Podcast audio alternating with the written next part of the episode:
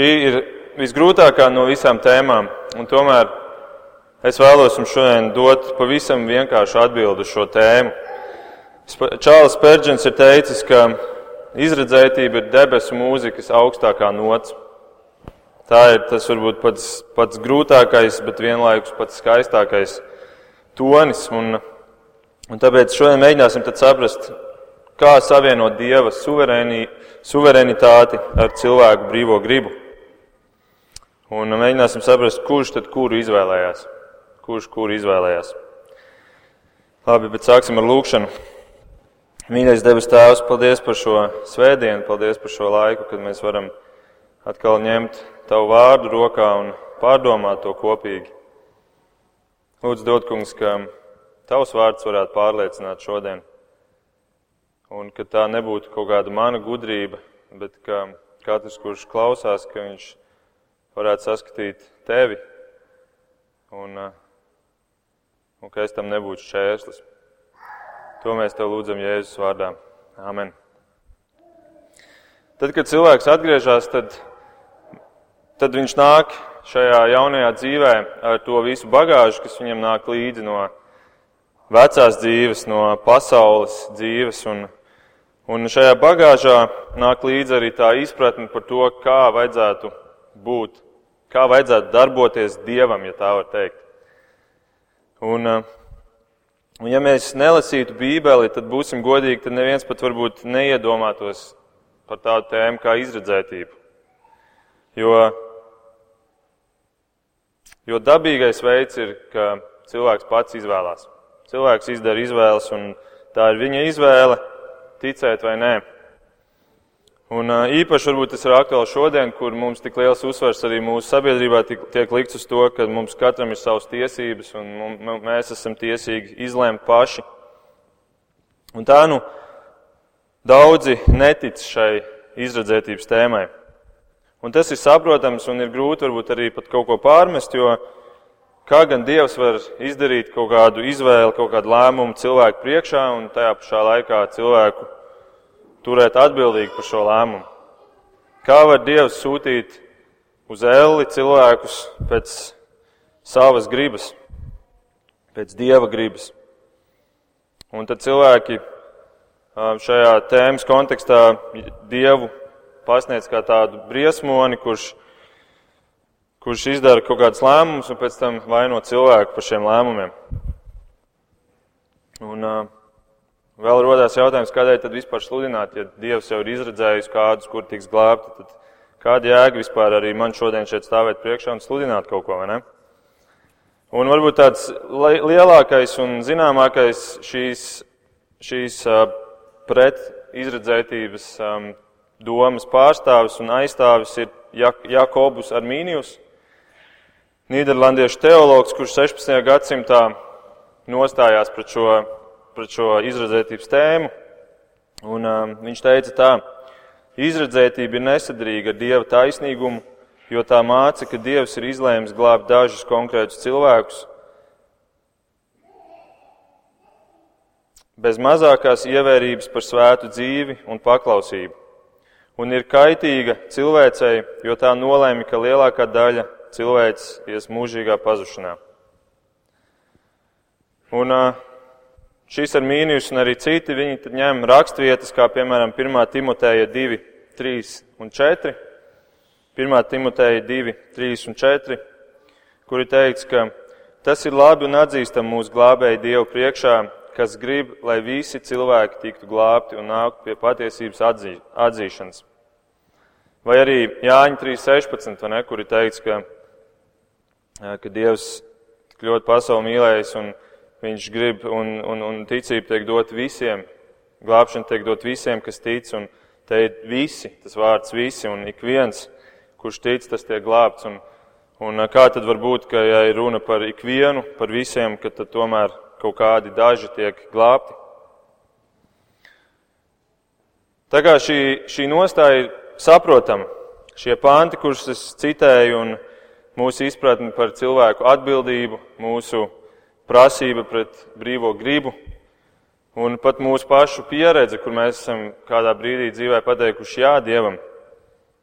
Tas viss mums liek noraidīt šo domu par izredzētību. Un, un līdz ar to lielākā daļa arī varbūt stāv ar šo izpratni. Un, un es pat teiktu, ka visi, kuri sākumā atgriežas, viņi sākumā ir arminiāņi. Ja, šos, šos uzskatus sauc par, ja šos cilvēkus, kuri šādi tic, viņus teoloģijā sauc par arminiāņiem. Un tas viss ir um, saprotams, bet tomēr ir viena liela problēma. Un tā problēma ir šī grāmata. Jo, jo vairāk mēs viņu lasām, jo vairāk mēs saprotam un uzdaramies tādām nepatīkamām rakstvietām, kuras tomēr ierobežo šo mūsu brīvās gribas domu. Un, uh, man pašam dzīvē bija tā, ka vienā brīdī man likās, ka nu, es esmu visu apmēram salīdz pa plauktiņiem. Man apmēram viss ir skaidrs, visas tēmas ir izskatītas.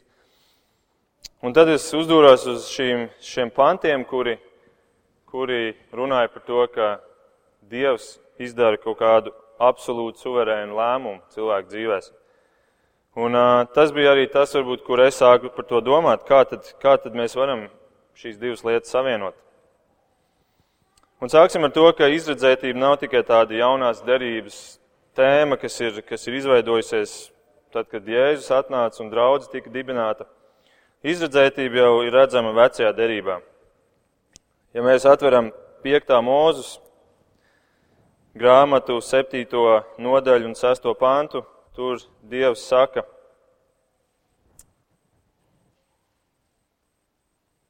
jo tu esi svēta tauta kungam, savam dievam.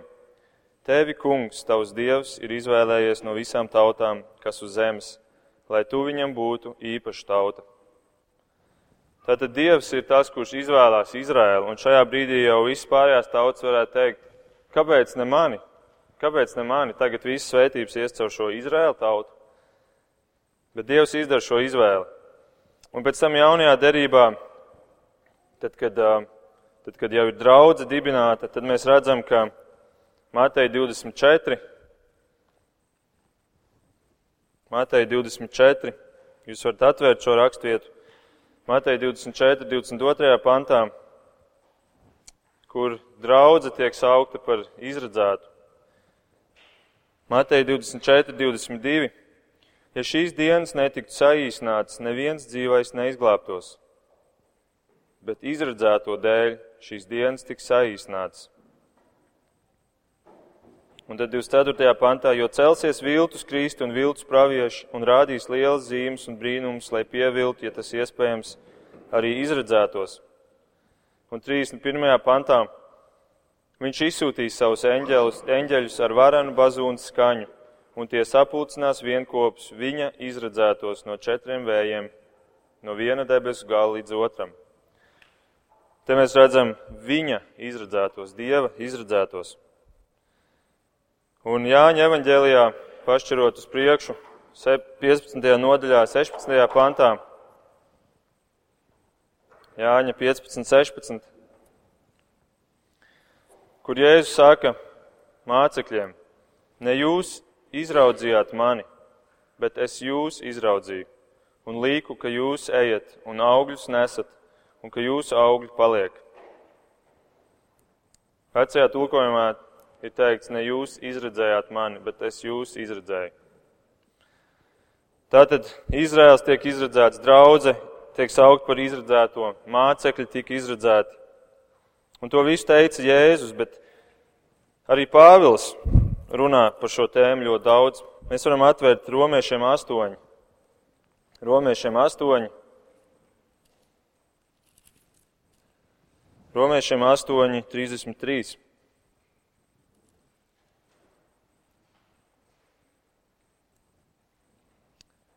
Kas apsūdzēs Dieva izredzētos? Dievs tos attaisno. Kas apsūdzēs Dieva izredzētos? Dievs ir tas, kurš izredz, un šeit ir atkal runa par to, ka tā ir Dieva darbība, Dievs viņus izredz. Kolosiešiem 3.12. Kolosiešiem 3.12. Pāvils, Pāvils raksta kolas draudzēji. Kolosiešiem 3.12. Kā Dieva izredzētie, svētie un Dieva mīlētie, apvelciet dziļu līdzjūtību, labestību, pazemību, lēnprātību, iecietību citam pret citu. Kā Dieva izredzētie. Atkal Dieva izredzētie. Un uh, te mēs redzam, ka ne tikai Izraels un draudze tiek izredzēta, ne tikai mācekļi tika izredzēti, bet arī pagāni tiek saukti par tiem, kurus Dievs izredz. Mēs varam aiziet uz apstuļu darbiem seši. Apstuļu darbiem seši uzreiz pēc četriem evaņģēlijiem. Apstuļu darbiem seši. Es atvainojos apstuļu darbiem 13. Apstuļu darbiem 13, 48.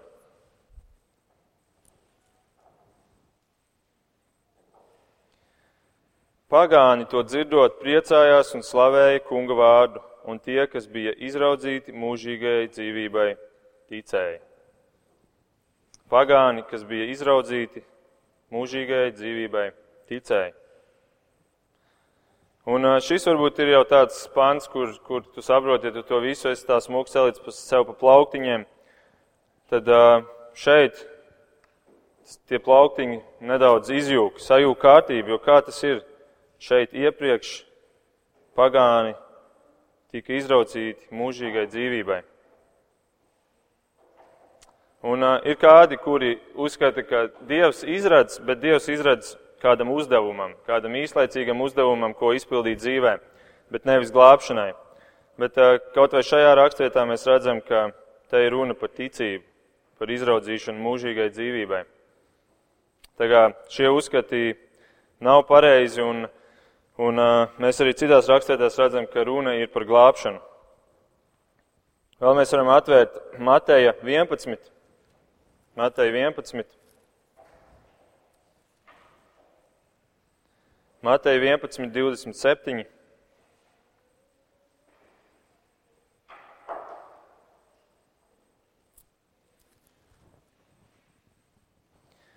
Mans tēvs man ir devis visu, un neviens nepazīst dēlu, kā vien tēvs, nec tēvu, kā vien dēls, un kam dēls vēlas to atklāt. Ja, te mēs atkal redzam to, ka te varbūt nav pieminēts vārds izredzēts, bet te mēs redzam, ka kaut kādā mērā Dievs ir tas, kurš izvēlas, kam viņš vēlas atklāt.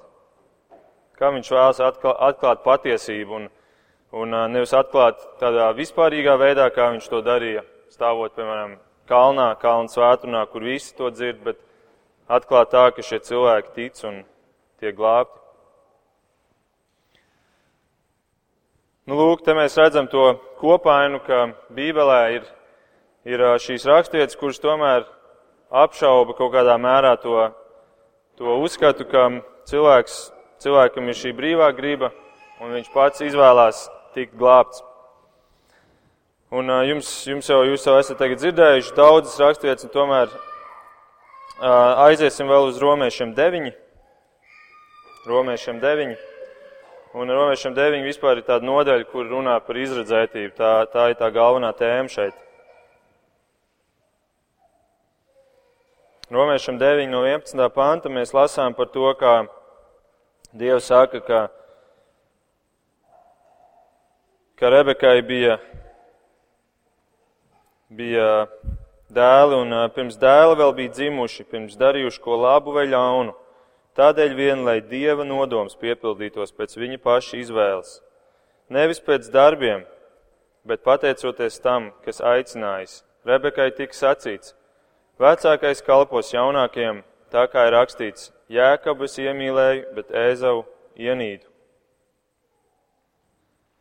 Tātad tepat ir teikts, ka pirms vispār kaut kas tika izdarīts, pirms šie dēli kaut ko darīja, Dievam jau bija nodoms. Dievs jau bija izdarījis kādas izvēles. Un uh, to raksta atkal Pāvils, bet arī Pēters par šo tēmu runā. Un es jums vienkārši to gribu parādīt, lai jūs redzat, ka tā nav tikai varbūt kāds uzsvars vienam no šiem autoriem, bet par to runā praktiski visi jaunās derības autori. Pirmā Pētera pirmā nodaļa, pirmie divi panti. Pēters Jēzus Kristus apustulis izredzētajiem svešiniekiem, kas izkliedēti Pontā, Galatijā, Kapadokijā, Āzijā un Bitīnijā, un kas pēc Dieva tēva paredzējuma esat gara svētīti paklausībai un apslacīšanai ar Jēzus Kristus asinīm, lai žēlastība un miers jums ir pārpilnībā. Arī Pēters draudzi sauc par izredzētajiem.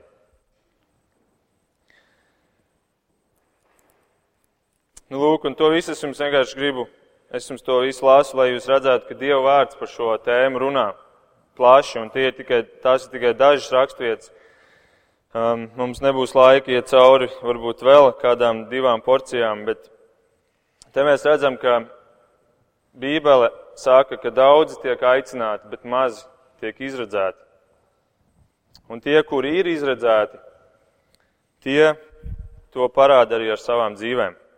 Tā kā nav tā, ka viņi tiek izredzēti, tā kā, piemēram, Armīnijus teica, ka viņi tiek izredzēti un tad viņi var darīt, ko viņi grib. Ja, ka, ka bez maz vai, ja Dievs ir izdarījis šo izvēli, nu tad jau vienalga, ko es daru. Nē, te ir runa par to, ka, ja Dievs izredz tevi, tad tu ar savu dzīvi arī to apliecinās un parādīs. Un uh, mēs to redzam kaut vai tajā pašā šodienas rakstvietā, ko lasīja, ko lasīja Raimons ievadā Efeziešiem 1, 1, 4 un 5, kur ir teikts, ka viņš arī izredzēja mūsu Kristu pirms pasaules radīšanas, lai mēs būtu svēti un viņa priekšā nevainojam mīlestībā. Pēc savas gribas labprātības viņš jau iepriekš lēmis mūs pieņemt par saviem dēliem caur Jēzu Kristu. Tātad uh, nav tā, kā Armīnijas teica, ka šī izredzētības tēma vienkārši izredz kaut kādus cilvēkus un, un, un viss, bet tas pēc tam atspogļojas viņu dzīvēs. Un tas ir tas, kādēļ Dievs izredz, lai šie cilvēki kļūtu svēti un nevainojami viņu priekšā. Un uh, vēl atgriežoties pie romiešiem astoņu, tā arī būs pēdējā rakstvieta šajā šajā uzskaitījumā. Vēlreiz atgriežoties pie romiešiem 8, 29. un 30. pantā, to es jums arī vēl gribu parādīt. Tos, par kuriem Dievs jau iepriekš ir lēmis, tos viņš arī noteica izveidot līdzīgu savu dēlu tēlam, lai viņš būtu pirmdzimtais daudz brāļu vidū. Un par kuriem viņš jau ir iepriekš noteicis, tos viņš arī aicina, un kurus viņš aicina, tos viņš arī attaisno un kurus attaisno, tos arī pagodina. Un te mēs redzam to ķēdi, kā cilvēks atgriežas un nonāk līdz tai godībai, līdz tai debesu godībai, bet visa šī ķēde sākās ar to, ka tas ir Dieva nodoms, ka tā ir šī Dieva izredzētība.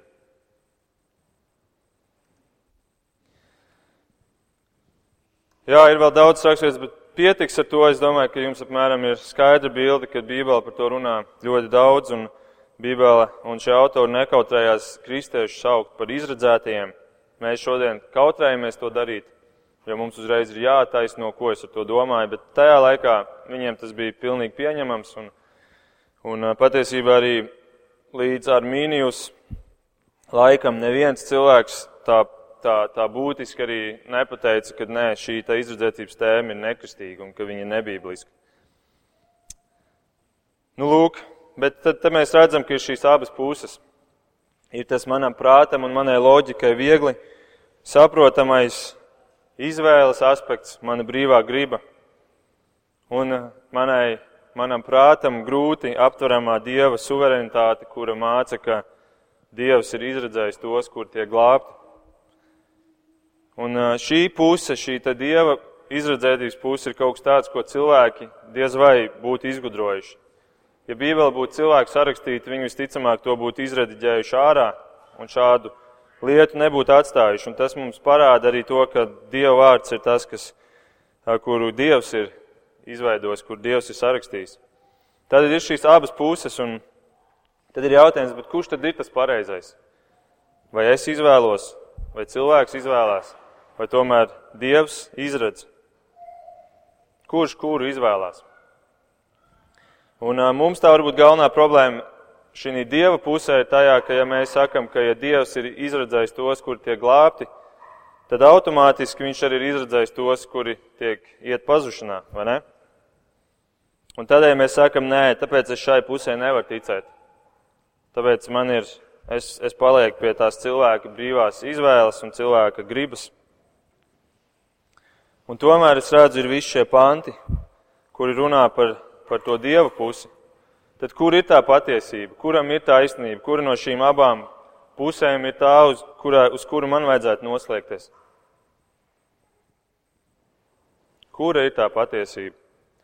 Un kā jau es jums sākumā minēju, tas ir iespējams visgrūtākais jautājums Bībelē. Bet es jums arī teicu, ka es jums gribu dot pavisam vienkāršu atbildi. Un tā atbilde ir tā, ka uz jautājumu, kura puse ir tā pareizā, atbilde ir ka tev ir jātic abām šīm pusēm. Tev ir jātic abām šīm pusēm, ka Dievs izradz tos, kur tiek glābti, un tomēr cilvēks izvēlās iet pazušanā. Dievs uzņēmās simtprocentīgu atbildību par cilvēku glābšanu, un tomēr cilvēks ir simtprocentīgi atbildīgs par savu pazušanu. Un es jau jūtu, ka tagad smadzenes sāk kustēties, un, un jūs sākat domāt, un varbūt sakat, pagaidi, pagaidi, te ir konflikts. Kā var būt, ka tev ir 100% dieva atbildība un 100% cilvēka atbildība? 200% nav iespējami. Jā, 200% nav iespējami. Mums. Mums nav iespējami. Bet dievam, kāpēc tad dievam nebūtu iespējami Dievam tas ir iespējams, un es jums atgādinu par Iesais 55, kur Dievs saka, manas domas nav jūsu domas, un manas gaitas nav jūsu gaitas. Un cik augstāks ir debesis pār zemi, tik augstāki, augstāks ir manas gaitas pār jūsu gaitām un manas domas pār jūsu domām.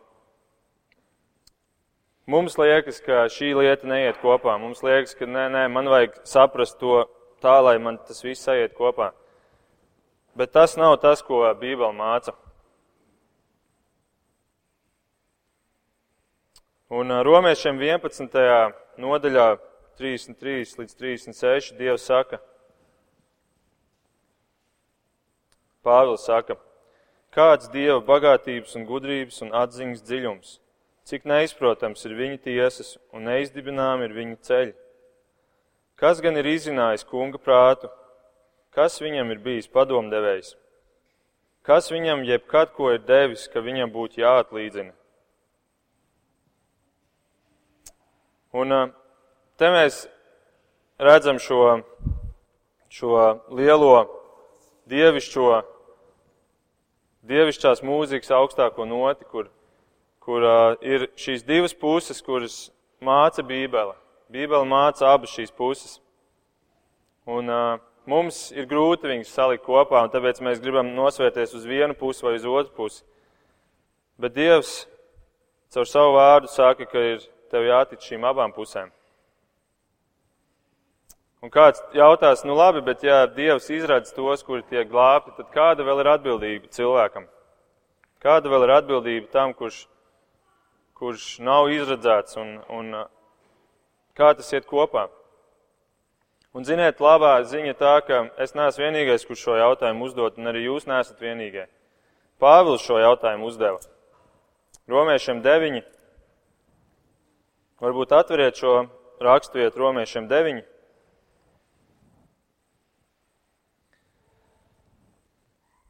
Deviņpadsmitajā pantā ir teikts, tu man varbūt jautās, kādēļ viņš vēl nosoda? Kas tad var stāvēt pretī viņa gribai? Šis pats jautājums, kā, kā, kā tas iet kopā? Vai tad, vai tad ja Dievs izredz, tad, tad um, cilvēkam vēl ir kāda izvēle? Un uh, ievērojot, kādu atbildi viņš dod, viņš nesaka jā un nē, un tur kaut ko sāk skaidrot, bet viņš pasaka pavisam vienkārši. Bet cilvēki, kas tu tāds esi? ka tu runā pretī Dievam? Vai tad veidojums var sacīt savam veidotājam, kādēļ tu mani tādu esi veidojis? Vai tad podniekam nav varas pār māli, ka viņš no vienas un tās pašas pīkas gatavo vienu trauku godam un otru negodam? Lūk, tā atbildi ir, ka vispirms, pirms tu, pirms tu spēj pieņemt kādu atbildi, vispirms saprot to, ka tu, ka tavs prāts un tavs stāvoklis ir tik daudz zemāks par Dieva stāvokli, ka tev jāpieņem ir, ka tu nevarēsi to saprast ar savu loģiku. Tāpēc mēģini to saprast ar to loģiku, kā Dievs tev parāda. Un Dievs um, savu vārdu nav devis tādēļ, lai, lai radītu mums šaubas, bet lai dotu mums atbildes. Un arī šī tēma ir tāda, no kuras mums nav jābaidās un visu laiku jāizvairās no viņas, bet, bet paņemam šo Dieva vārdu, to, ko Dievs māca no abām pusēm, un pieņemam to kā to patiesību, kas ir Dieva vārdā, kas ir Dieva dotā patiesība. Apzinoties, ka mēs esam tas māla veidojums un ka tas veidotājs ir pilnīgi cita kategorija, pilnīgi cita dimensija. Un tā nu, Pāvils šeit saka, ka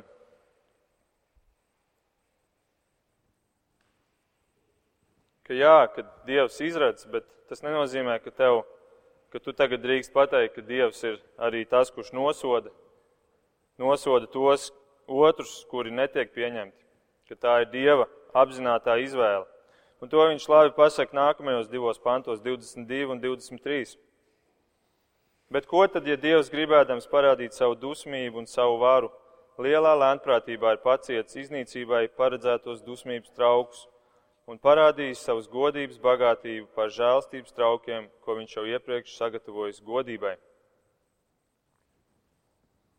Un te mēs redzam vienu interesantu lietu, ka runājot par šiem diviem traukiem, kurus, kuri ir radīti, vienam tiek lietota aktīvā darbības forma, un otram tiek lietota pasīvā. Aktīvā ir tā, kur es eju un kaut ko daru, kaut ko radu, Pasīvā ir tā, kur kaut kas tiek radīts, nenosaucot autoru. Un šajā 22. un 23. pantā mēs redzam, ka, ka iznīcībai paredzētie dusmības trauki, ka Dievs lielā lēnprātībā ir paciets iznīcībai paredzētos dusmības traukus. Te nav teikts, ka Dievs viņus rada dusmībai. Te nav teikts, ka Dievs viņus ir radījis, izredzējis pazušanai. Toties par tiem, kas tiek glābti, ir teikts, ka žēlstības trauki, ko viņš, ko viņš jau iepriekš ir sagatavojis godībai. Tātad Dievs aktīvi darbojās cilvēku glābšanā, bet Dievs neuzņemās atbildību par cilvēku pazušanu. Dievs aktīvi darbojās cilvēku glābšanā, bet cilvēku pazušana tā paliek cilvēka atbildība.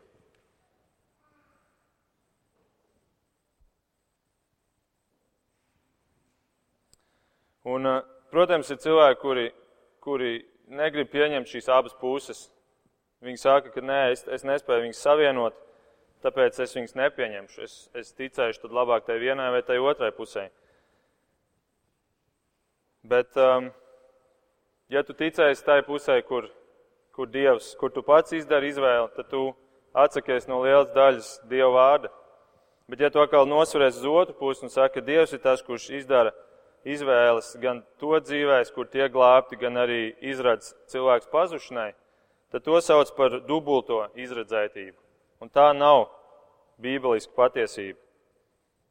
Jo Dievs uzņemās atbildību par tiem, kuri tiek glābti, un vienlaikus cilvēki patur atbildību par savu pazušanu, tie, kuri pasaka nē Dievam. Un, kā jau teicu, liekas, ka te ir konflikts. Bet patiesībā tas nav konflikts, tas ir paradoks. Tas ir paradoks, un teologs Džons Mūrijs saka, ka šāds paradoks ir atrodams katrā lielajā Bībeles doktrīnā. Un tā tiešām ir. Paskatāmies trīsvienību. Trīs personas un tomēr viens dievs. Mūsu prātam tas ir nesaprotam, kā tas var būt, un tomēr tā ir bībeliska patiesība. Paskatāmies, piemēram, par jaunavas dzemdībām. Kā tas var būt? Kā to var izskaidrot? Un tomēr tā ir patiesība, un mēs tam ticam.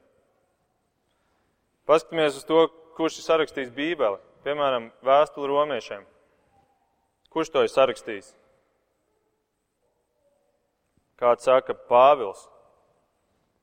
Cits atkal saka, Svētais Gars. Tad kurš to ir sarakstījis?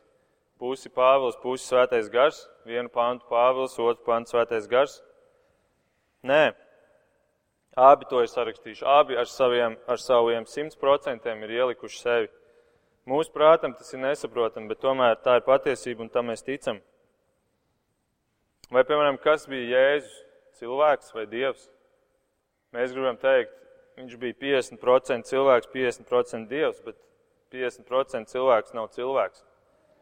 Un 50% Dievs nav Dievs, tāpēc viņš bija 100% cilvēks un 100% Dievs. Un mūsu prātā mēs saprotam, ka mums te kaut kur aiziet, aiziet ciena priekšā, un mēs to nespējam saprast. Bet tomēr mēs tam ticam. Un uh, tas viss mums parāda to, ka šī, šīs Dieva vārds ir Dieva darbs, nevis mūsu cilvēku, cilvēku radīts. Nu, lūk, tāpēc mums ir jātic šīm abām pusēm. Mums ir jātic, kaut arī mēs nespējam to ar savu loģiku un prātu savienot kā tādus divus zobratiņus, un tomēr mēs viņus turam abus blakus un mēs tam ticam. Un nav jāmēģina tos, tos līdz, līdz detaļai atrisināt un, un izskaidrot. Un citi cilvēki to ir mēģinājuši darīt. Viņi, piemēram, saka, ka Dievs redzēja nākotni, un viņš redzēja, kuri cilvēki atgriezīsies, un tad tos viņš izredzēja glābšanai. Tie ir tie izredzētie. Bet problēma ir tajā, ka miris un akls, garīgi miris un akls cilvēks nespēja izvēlēties Dievu. Jeremija raksta, ka vai melnādainais var mainīt savu ādas krāsu un vai leopards savus plankumus. Tāpat arī pēc dabas ļaunais nespēja darīt labu. Un 1. korintiešiem 2 teica, ka miesiskais cilvēks nespēja uzņemt to, kas nāk no Dieva gara. Viņš nespēja to darīt. Un tādēļ Dievs, tādēļ Tēvs vēl, kā Jēzus saka Jāņa 4. Tā tad nav tā, ka Dievs redzēja nākotni un tad izredzēja. Tā ir Dieva griba, ko viņš ir izlēms jau pirms pasaules sākuma. Cita atkal saka, ka Dievs vispār nezina nākotni. To sauc par atvērto teismu, jeb Dieva atvērtību, ka, ka Dievs nezina, kas notiks nākotnē. Viņš gan ir it kā vispēcīgs, bet viņš nezina, kas notiks nākotnē. Bet kā tad ir ar, es te varētu jums uzskaitīt eh, dažādas raksturvietas, bet um, laika trūkuma dēļ droši vien, droši vien um, nebūs iespēja visas, bet pieņemsim, pieņemsim to pašu Jūdas, Jāņa 6, 70.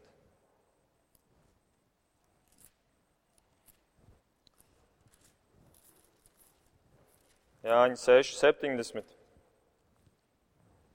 Jēzus tiem atbildēja, vai es neesmu jūs 12 izredzējis, bet viens no jums ir vēlns. To viņš sacīja par jūdu, jo jūda, viens no tiem 12 būdams, bija tas, kurš viņu nodos. Un, un tāpat ir pravietojumi entē. Mēs, mēs Tā kā mēs Mateja evaņģēlī sākām, mēs runājam par to, kā Dievs jau vecajā derībā par Jēzu dod tik precīzus pravietojumus. Kā tad tas ir iespējams? Un ja, Jēz, ja Dievs nezina nākotni, tad viņš arī nezināja, ka būs jānāk Jēzum un jāmirst pie krusta. Un tas padara visu mūsu kristētību bezjēdzīgu. Apstuļu darbiem divi, apstuļu darbiem divi, 23 ir teikts, Viņu, kas pēc dieva nodoma un paredzējuma bija nodots jums, jūs viņu ar noziedznieku rokām piesitāt krustā un nonāvējāt.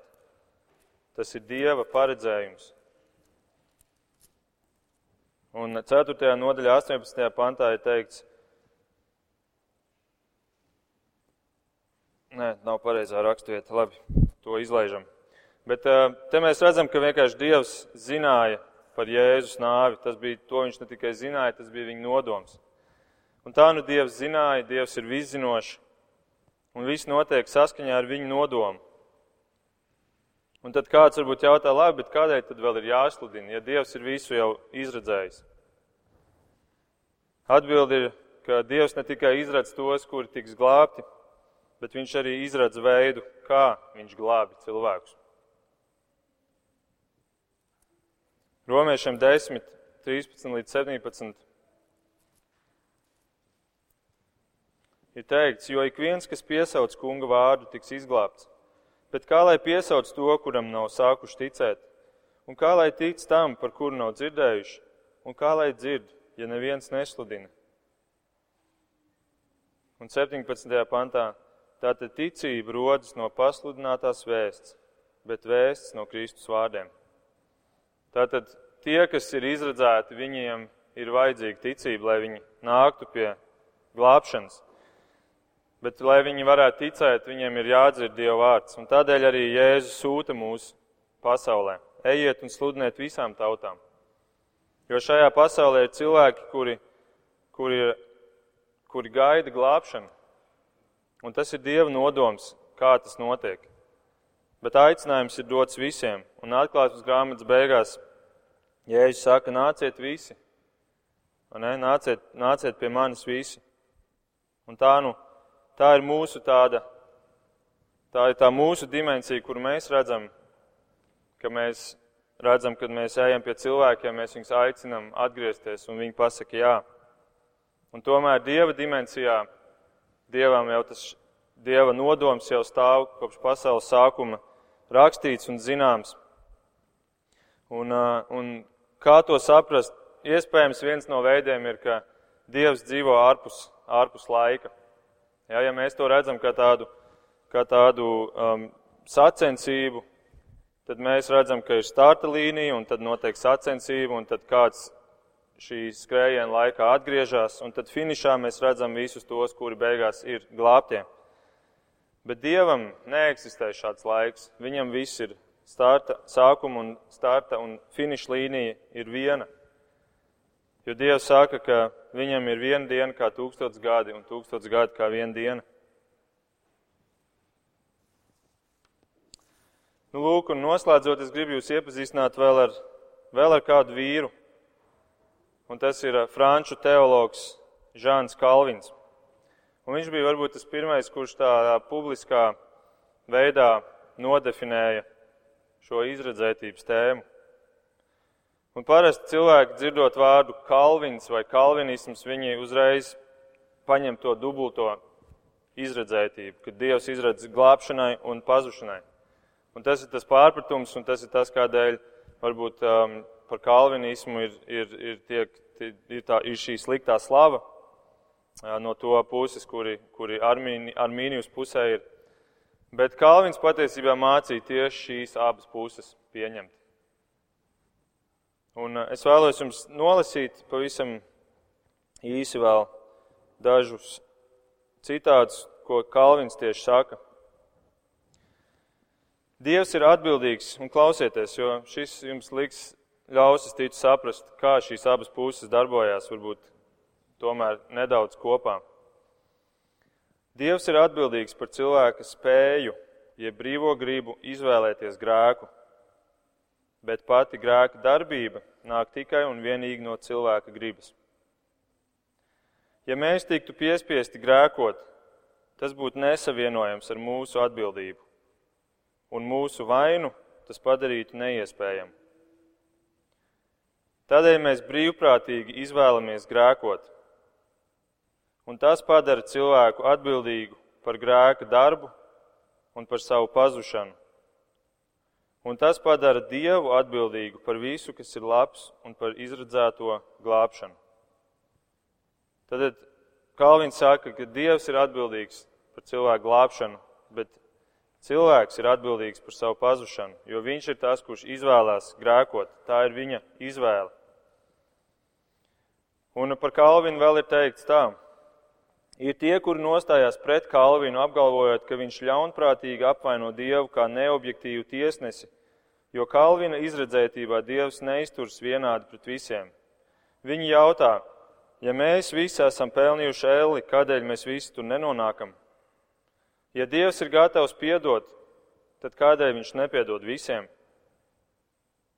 Un atbildi ir tā, tā ka mēs visi neesam nosodīti tādēļ, ka Dievs izvēlas parādīt savus godības bagātību pār žēlastības traukiem, ko viņš jau iepriekš sagatavojis godībai, romiešiem 9, ko mēs arī lasījām.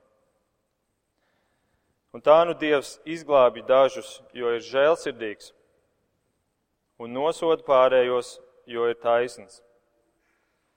Šie Kalvina pretinieki vai nu vēlas atņemt Dievam viņa spēju parādīt žēlsirdību, vai arī viņi uzstāja, ka Dievam vajadzētu atteikties no viņa tiesāšanas pilnībā. Vai ir kāds iemesls, kādēļ taisnam Dievam nevajadzētu būt pienākumam pret radījumu, kas viņu ienīst un nepārtraukt nostājas pret viņa autoritāti? Dievs nav parādnieks nevienam, Jo kas viņam jebkad ko ir devis, ka viņam būtu jāatlīdzina romiešiem 11. Ja Dievs izvēlētos glābt mūs visus, viņš ar to anulētu savu taisnīgumu, jo taisnīgums netika panākts. Tomēr taisnīgumam ir jātiek panāktam un tiks panākts, jo Dievs ir taisns Dievs. Un Kalvins nebija pirmais, kurš izvirzīja šo tēmu, kā jau minēju. Varbūt pirmais tāds lielais bija Augustīns, un Augustīns saka šādi. Tas kungs tādēļ var dot žēlastību tiem, kuriem viņš vēlas, jo viņš ir žēlsirdīgs, un tomēr nedot visiem, jo viņš ir taisns tiesnesis. Jo dodot dažiem to, ko viņi nav pelnījuši, viņš var atklāt savu bezmaksas žēlastību, bet nedodot to visiem, viņš var atklāt to, ko visi ir pelnījuši. Un tā nu Kalvins secina, ka ir taisnīgi, ka šī izredzētība ir taisnīga, jo neviens neiet pazušanā nepelnīti, un ka tā ir Dieva brīvi dotā laipnība, ka daži tomēr tiek atbrīvot no tās. Nu, lūk, un te mēs saprotam to, ko nozīmē žēlastība, ka ne tikai Kristus atnākot, Kristum atnākot un nomirstot par tevi, bet ka tu bez sava mazākā nopelna tiec glābts. Es to sauktu par dubulto žēlastību.